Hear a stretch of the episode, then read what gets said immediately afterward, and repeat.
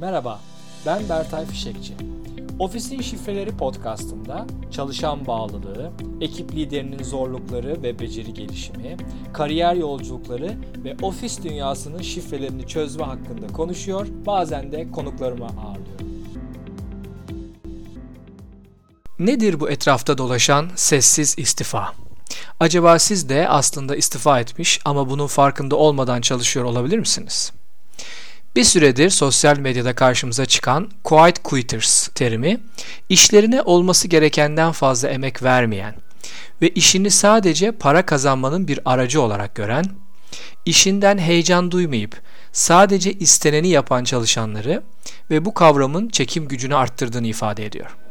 Çalışanlar fedakarlık yaptıklarında maddi ve manevi olarak karşılığını görmediklerinde, takdir edilmediklerinde, şirkete kazandırdıkları değeri adil şekilde paylaşmadıklarında da böyle hissetmeleri ve bu yönde tavır göstermelerini normal karşılamak lazım.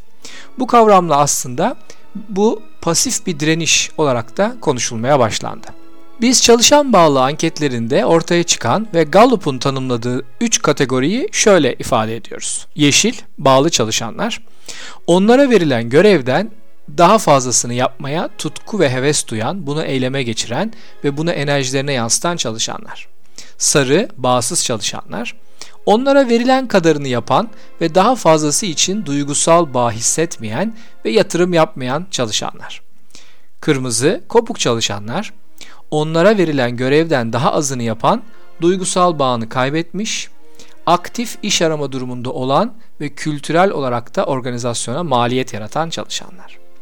Sessiz istifa hareketini bu tanıma göre sarı olan ve bunu bilerek ve farkında olarak seçen çalışanlar olarak tanımlamak mümkün. Size de öyle gelmiyor mu?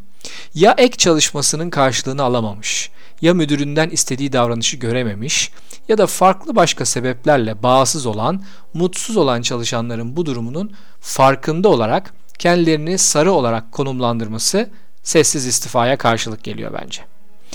Aynı yere geliyoruz. İmkanların ve fırsatların çok, yeteneğin az olduğu bir dönemdeyiz.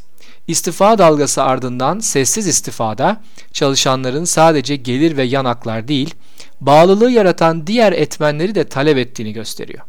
Değer görme, gelişimini yaşama, takdir görme, ekip içinde kendini ifade etme, işinde anlam bulma ve diğerleri. Bu etmenler olmadığı sürece önce sessiz, sonra haykırarak istifalar kaçınılmaz olacaktır.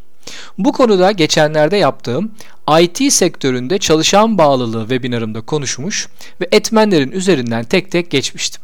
Bu webinarın linkini, kayıt linkini açıklamalarda görebilirsiniz.